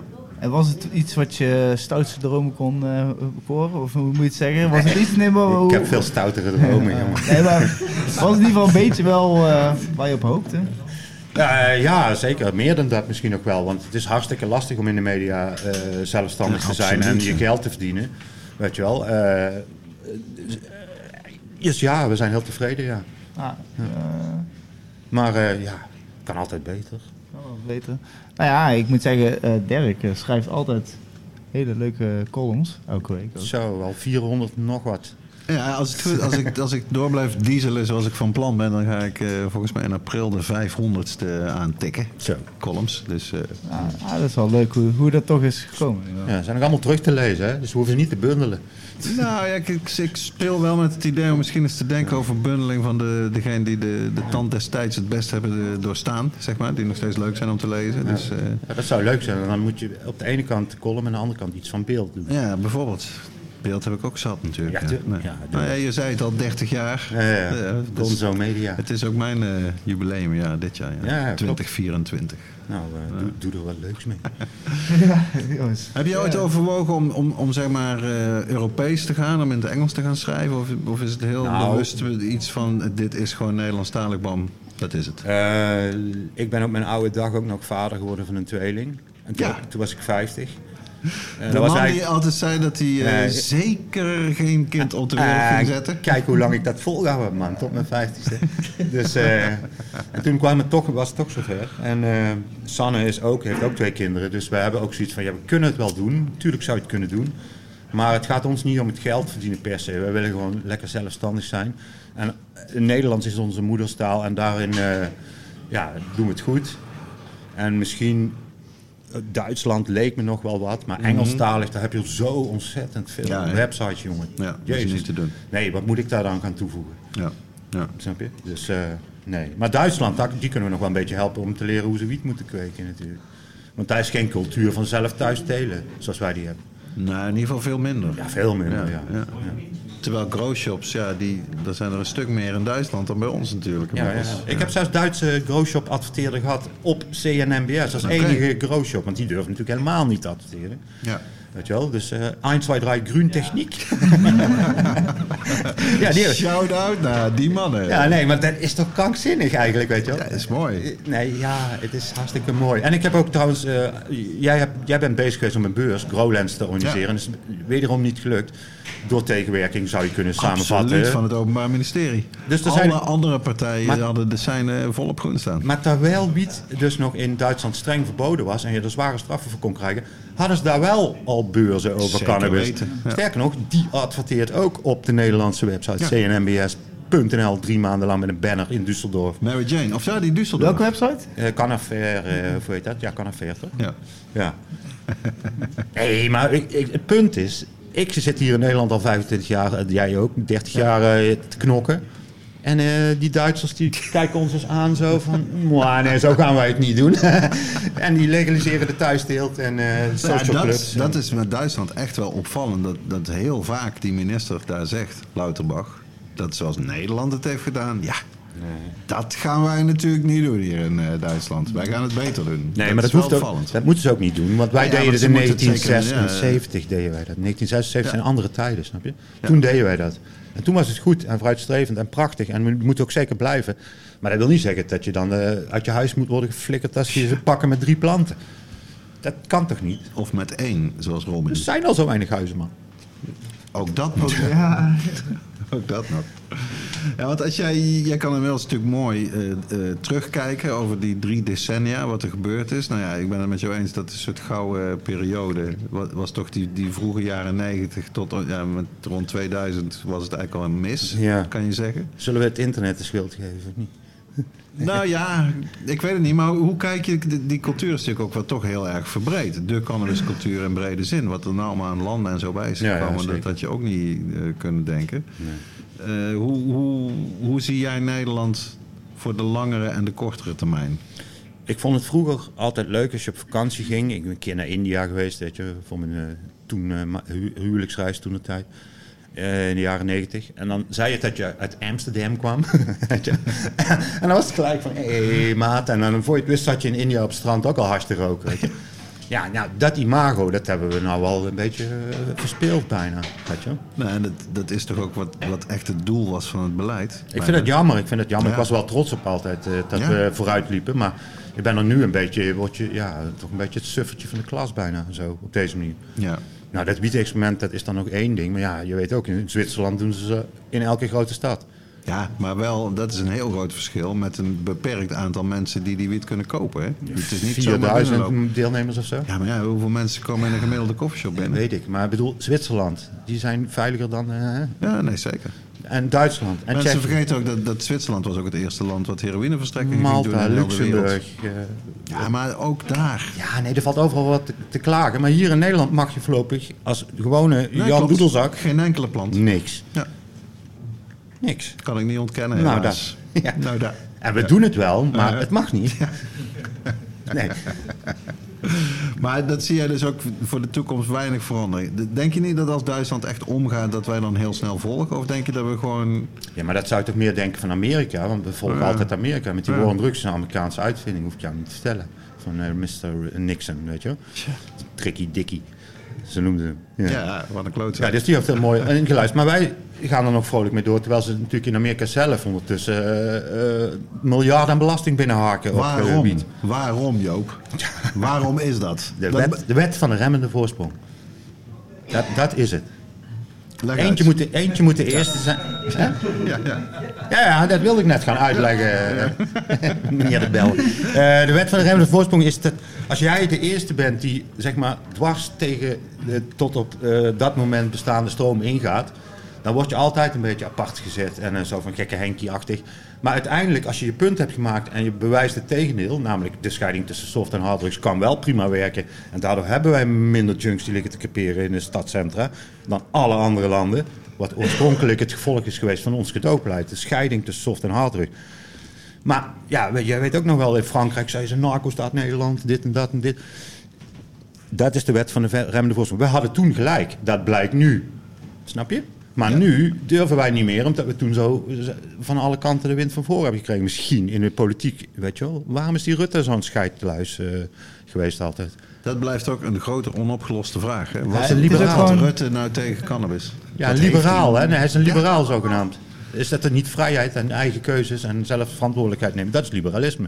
maar- maar het is toch ook een beetje dat we al een systeem hebben met de coffeeshops. En dat dat de remmende voorsprong is. Nou, moet jij eens vragen hoe leuk zo'n koffieshop het vindt als de stash wordt overvallen door de politie. Ja. Nee, en dan eh, komt de rechtszaak. Nee, oké, maar de gemiddelde Nederlander... Als Dat is een je fijn die, systeem. Die, die, als je een gemiddelde Nederlander vraagt of dat cannabis in Nederland legaal is, wel of nee, dan zeggen ze ja. Want je kan het gewoon in de shop halen. Ja, En, tuurlijk. en het is ook het verhaal van eh, de Londense straatlantaarns, toch? Ja, maar, klopt. Maar Dat- denk jij dat de wetten worden veranderd door demonstrerende mensen op straat? Nee, maar ik zal, we zullen, ik zal die voorbeeld van Dirk, wat ik ooit van Dirk heb gehoord, uitgelegd. Die, in Londen hadden ze lantaarnpalen als eerste. Ze waren de eerste met lantaarnpalen, maar die liepen, die waren eh, van Gas. Op, op Ja. gas, op olie toch of zo. Gelukkig En- hadden ze en- geen vuurwerk met oud en nieuw. Die, die, die werden elke, elke avond aangestoken. En dat was een hele eh, branchevereniging en dergelijke. En op een gegeven moment kreeg heel Europa elektrische eh lantaarnpalen. Maar hun hadden al een systeem. Dus hun waren uiteindelijk als laatste. Op elektriciteit dat Omdat ook die mensen die die, die lantaarns aanstaan, ja, die verloren hun baan, weet je wel. Maar dat is Dus- misschien ook wel de wet van de remmende voorsprong dan. Precies, ja, Mensen zijn toch gewoon, die, weet je, heel Ja. vaak zeggen mensen tegen mij, wat Rens, joh, wat maak je je druk in godsnaam, joh. Je gaat, ga naar de shop, je kan wiet halen. Ja. Maar dat, dat is gewoon, Nee, maar is het gewoon is, lastig. in principe is het heel simpel. Hè? Je moet die koffie Ja. moet je reguleren zoals je cafés reguleert. En verder moet je er geen big deal van maken met brand. Wat van die, van die bankauto's, hoe heet die? Die veiligheidsauto's moeten wiet worden vervoerd. Nee. Hè? Zo slaat dat Dat is echt bizar, ja. alsof het plutonium is. Ja. In plaats van... Nee, maar je jaagt zo ook alles op kosten. hè. Kijk, als je het hebt over het, wel de kans van slagen. Als je op deze manier gaat werken met zo ontzettend veel eisen. En dit soort eisen van het moet zo vervoerd worden. Nu mag alles. Elke wietteler mag zelf kloten met zijn wiet wat hij wil. En dat kan je gewoon kopen in Nederland. ja. En, en dan ineens gaan we het legaliseren en dan gaan we een miljoen eisen stellen. Dat is toch het ene uiterste met het andere bijna. Hè? Ja. ja, maar dat is zo typisch voor politiek, Ja. heb ik het idee. En dan doen ze dit in tien gemeentes, of elf dan. Hè? en, en de en rest, eh, rest zoekt het nog maar even uit met zijn gezondheid de komende jaren. Ja. ja, dat vind ik zelf ook heel lastig Vandaar dat wij proberen ook altijd te zeggen van ja, eh, dat wiet-experiment, ik weet het niet joh. Hmm. Het is een beetje zo, eh, zo'n tijdrekkertje of zo, weet je wel. Ja. Ja, een tijdrekkertje om een CDA en een VVD eh, koers te houden of zo. Het is een compromis aan alle kanten gewoon. Ja. Niemand is er daarom blij mee, want Nee. het is eigen aan een, aan een echt compromis. En dan heb je nog de les uit Canada en Amerika met overproductie. We hebben nu tien telers straks die voor eh 100 coffeeshops, nog niet Nog eens, niet eens, Nog 90. voor minder dan 100 coffeeshops gaan 10 telers vier jaar eh, wiet kweken. Ja, dus in het begin is er te weinig. Ga en jij als ze allemaal draaien, dan is het te veel. Plus al die eisen, track and trace met de verpakking, dit en eh bankwagens er naartoe rijden, beveiliging, eh ba, ba, ba. En ik je hoor, ik hoor van meerdere kanten dat die track and trace bij de wietproef nu al echt veel problemen geeft. Ja, toch? Tuurlijk. dat hij er een paar keer dagen heeft uitgelegen zelfs. Dus Ja. In de eerste maand. Heeft de Belastingdienst dat opgetuigd, of niet? Nou ja, de overheid zelf. Ja. Want dat hoor je natuurlijk ook bij, bij, van, van de telers, maar ook de coffeeshops die zeg maar, overleggen in Den Haag met de ambtenaren op de ministeries over dit experiment. Het hele systeem is gebouwd op wantrouwen.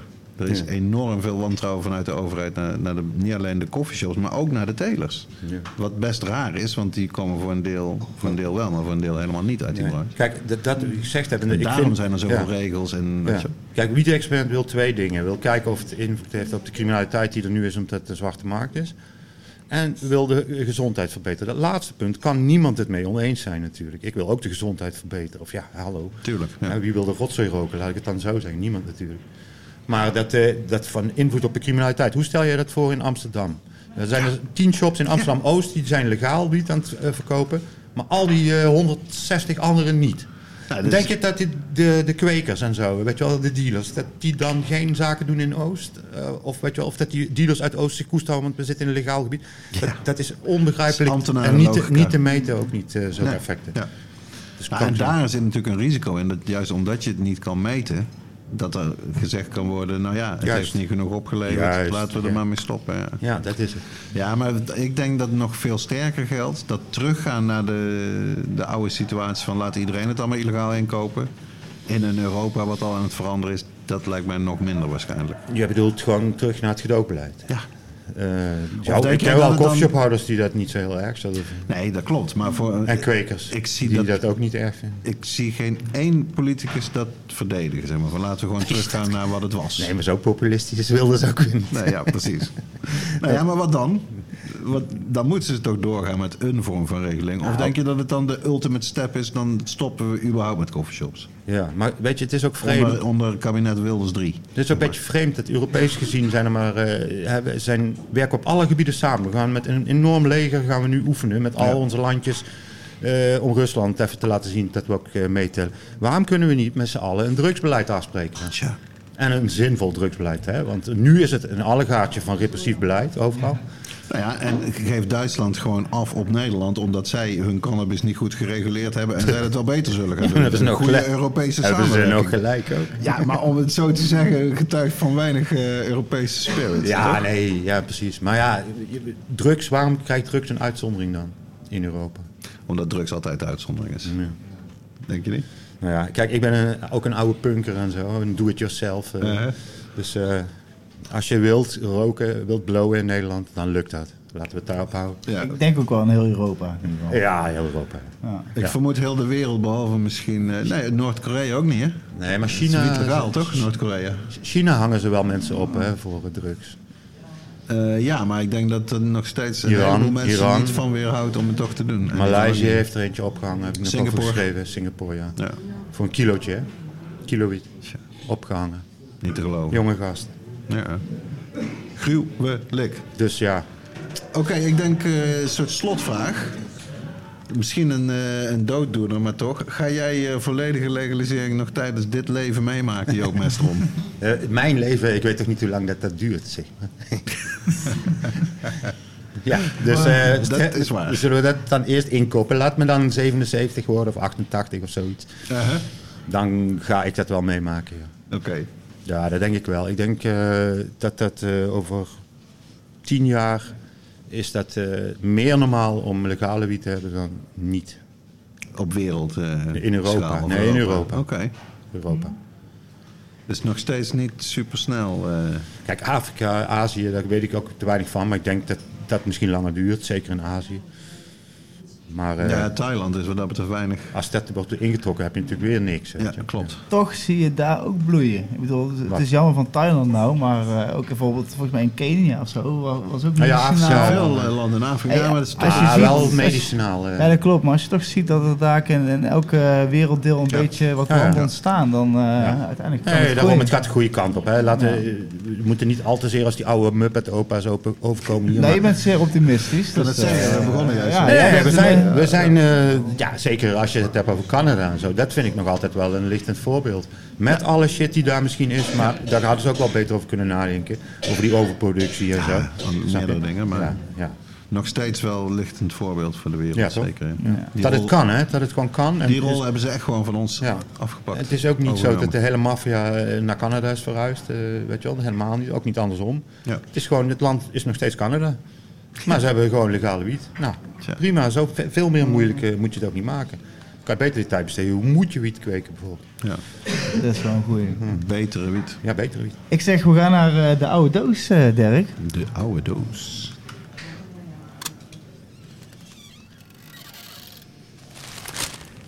Ja, want er zat iets in de oude doos wat er al eerder in zat, maar er toen niet is uitgekomen. Want toen waren we waarschijnlijk met tijdsgebrek. Ja, klopt. In de, in de reggae special, die we, nummer 75 met Peer Sanders, weet je nog wel.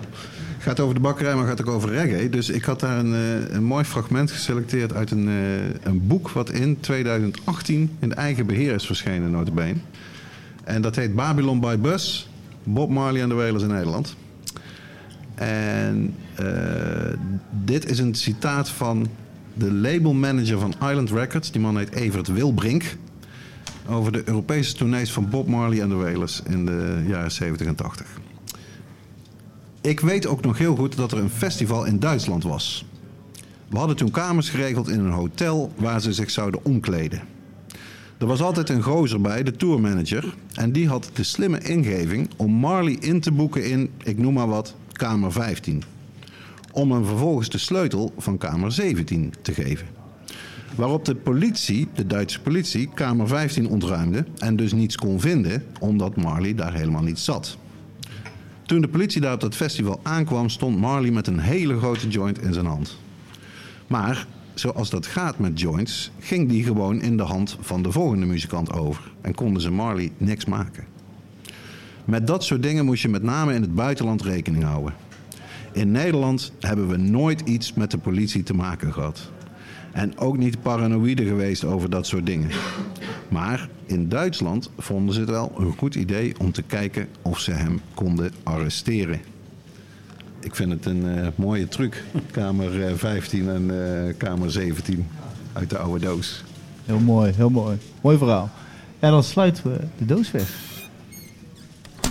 Tot de, de volgende keer. Ehm, normaal hebben we altijd eh, in deze, en op deze tijd hebben we de reacties van luisteraars. Alleen die gaan we aanpassen, want we gaan nu de Canna quiz. Het is tijd voor de quiz. Wie het weet, Mag Mag het zeggen? zeggen? volgens mij hebben we hem. Haiti Podcast presenteert... Wie het weet, mag het zeggen.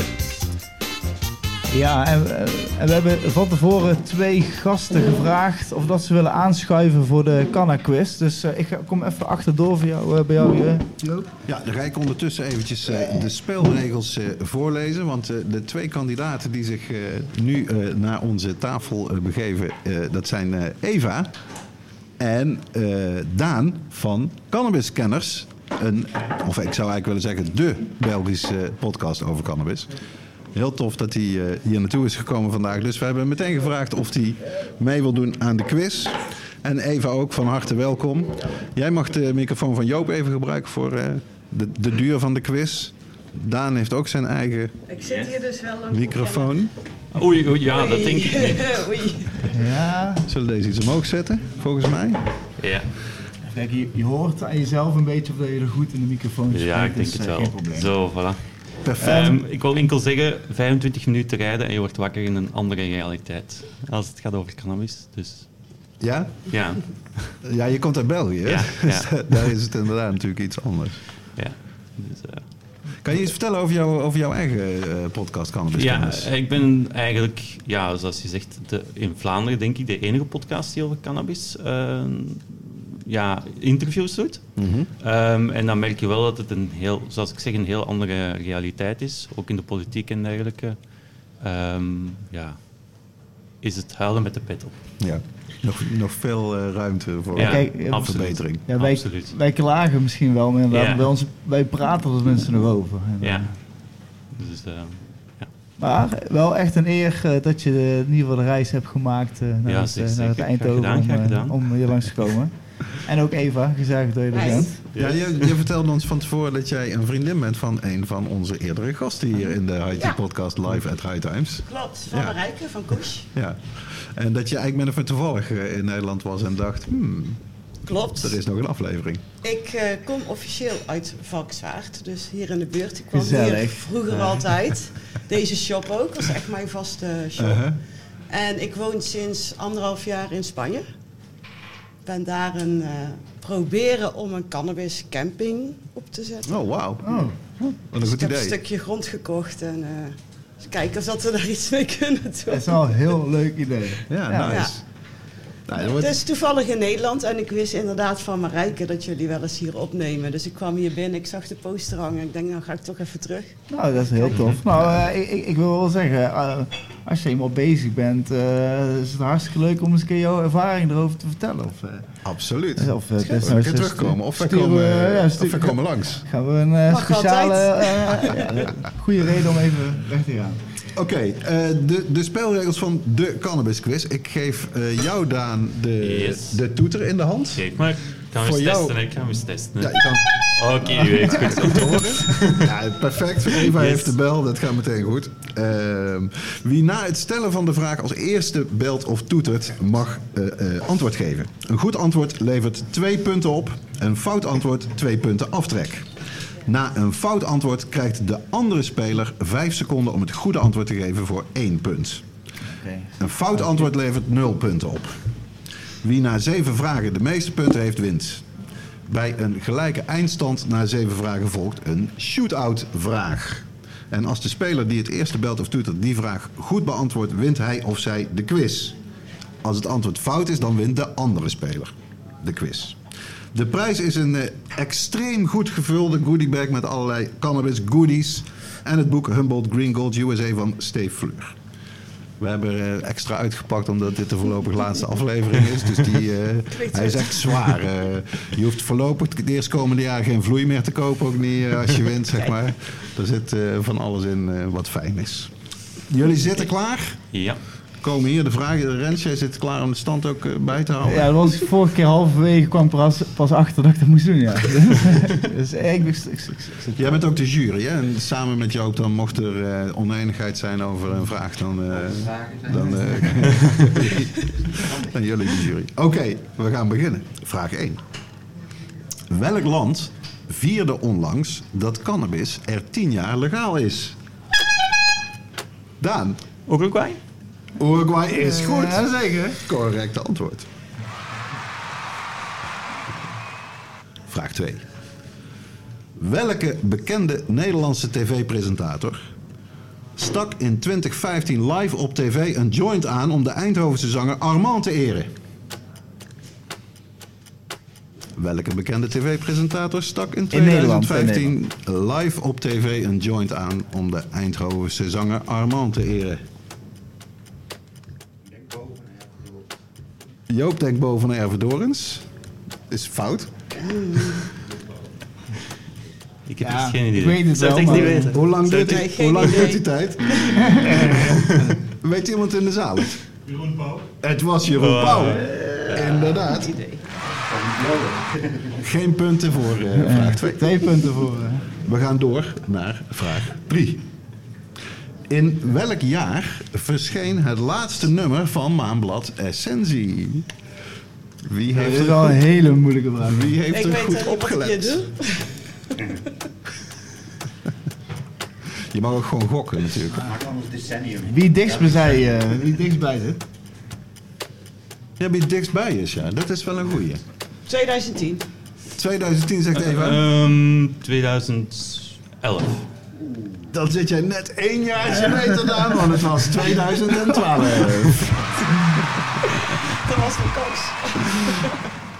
Oké, we gaan door naar vraag 4. In welke grote stad heeft de gemeenteraad een motie aangenomen om aan de slag te gaan met deelname aan het wiet-experiment? Daan? Den Haag? Den Haag is het correcte antwoord. En ook nog wel snel. Ja, voor iemand die zijn podcast cannabiskenners noemt, heb je natuurlijk ook wel, eh, moet je wel een reputatie waarmaken. Dus we gaan door naar vraag 5. De termen indica en sativa worden vaak gebruikt om onderscheid in wietsoorten aan te duiden. Wat betekent het van oorsprong Latijnse woord sativa?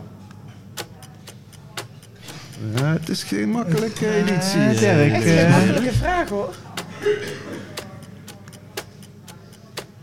Ja, dat mag ook gegokt worden.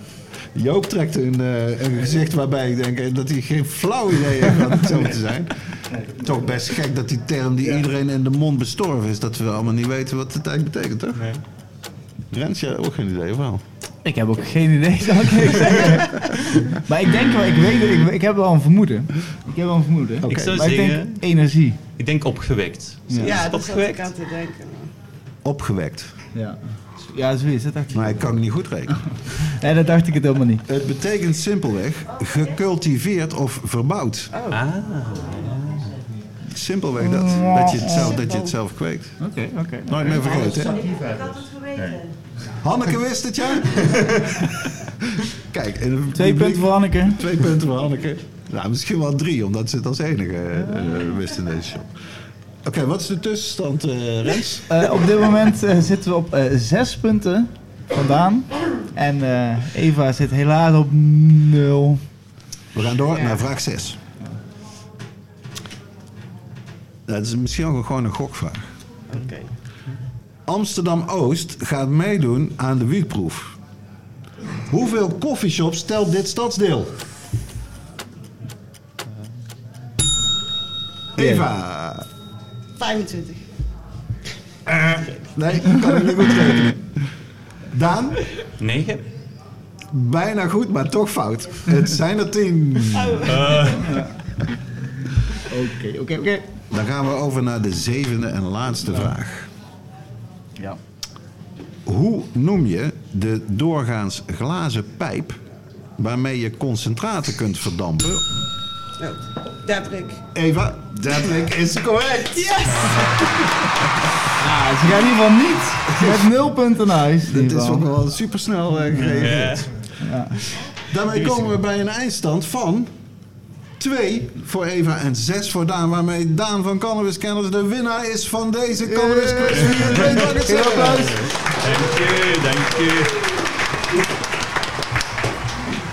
Heb hier, eh, ik heb hier een enorm grote uh, Goodie bag. Let op. Ik overhandig hem bij deze. Oké. Ja, je hebt er- Dankjewel. Je hebt er twee nodig. En ik help je even eh, mee terug, terug naar je stoel.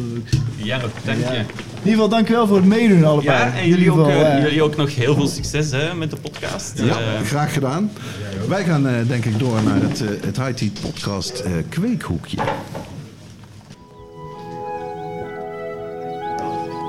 Het High Tea Podcast. Kweekhoekje. Ja, onze, onze vaste rubriek waarin wij eh, tips geven en adviezen voor de thuiskweker. En ook eh, kweekvragen beantwoorden voor zover die eh, binnen zijn gekomen. De laatste tijd zijn er geen vragen over, over thuiskweken binnengekomen, toch Rens? Of wel? Nee, het is een beetje rustig qua, eh, thuisstilte, eerlijk gezegd. Dat, dat vermoed ik al. En daarom eh, dacht ik vandaag even de spotlight te zetten op eh, de Gouden Gieter. De fotowedstrijd eh, die het VOC voor de vijfde keer dit jaar alweer organiseert. Wij deden dat altijd met Plantarium in Nijmegen. Maar zoals de vaste luisteraars weten en ook de kenners in Wietland... is dat helaas afgelopen met Plantarium. Voorgoed de deuren gesloten. Dus wij zijn koortsachtig op zoek geweest voor de Gouden Gieter naar een nieuwe partner. En hebben die gevonden in Organic Earth in Maastricht. Wat natuurlijk ook een geweldige en al zeer lang bestaande grow-shop is in eh, Maastricht. Roger, we hebben hem ook in de podcast. Shout-out naar. Roger. Shout-out naar Roger. Onze grote vriend.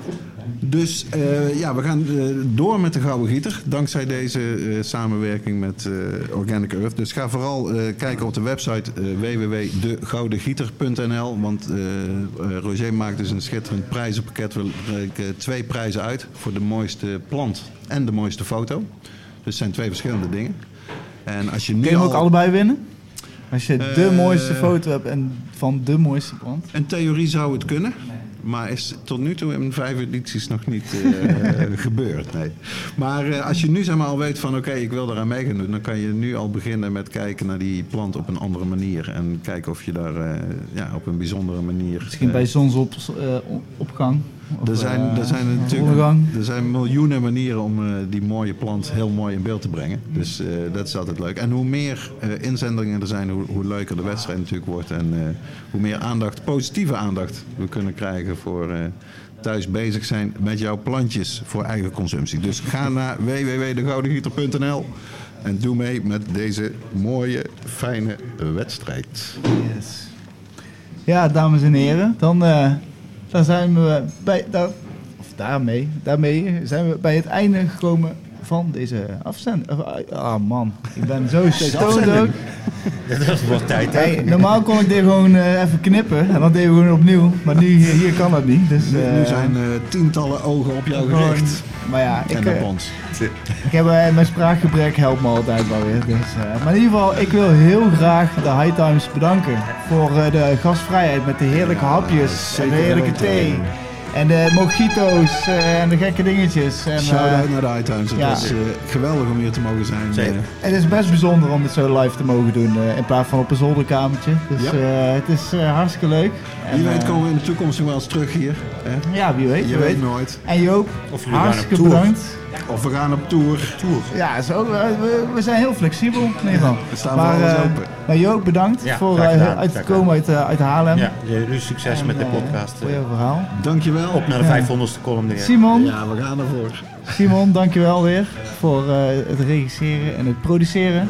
En dank voor Eh. alle mensen ook die hier naartoe zijn gekomen. Soms van ver weg tot in België en eh, Rotterdam eh, en Den Haag aan toe.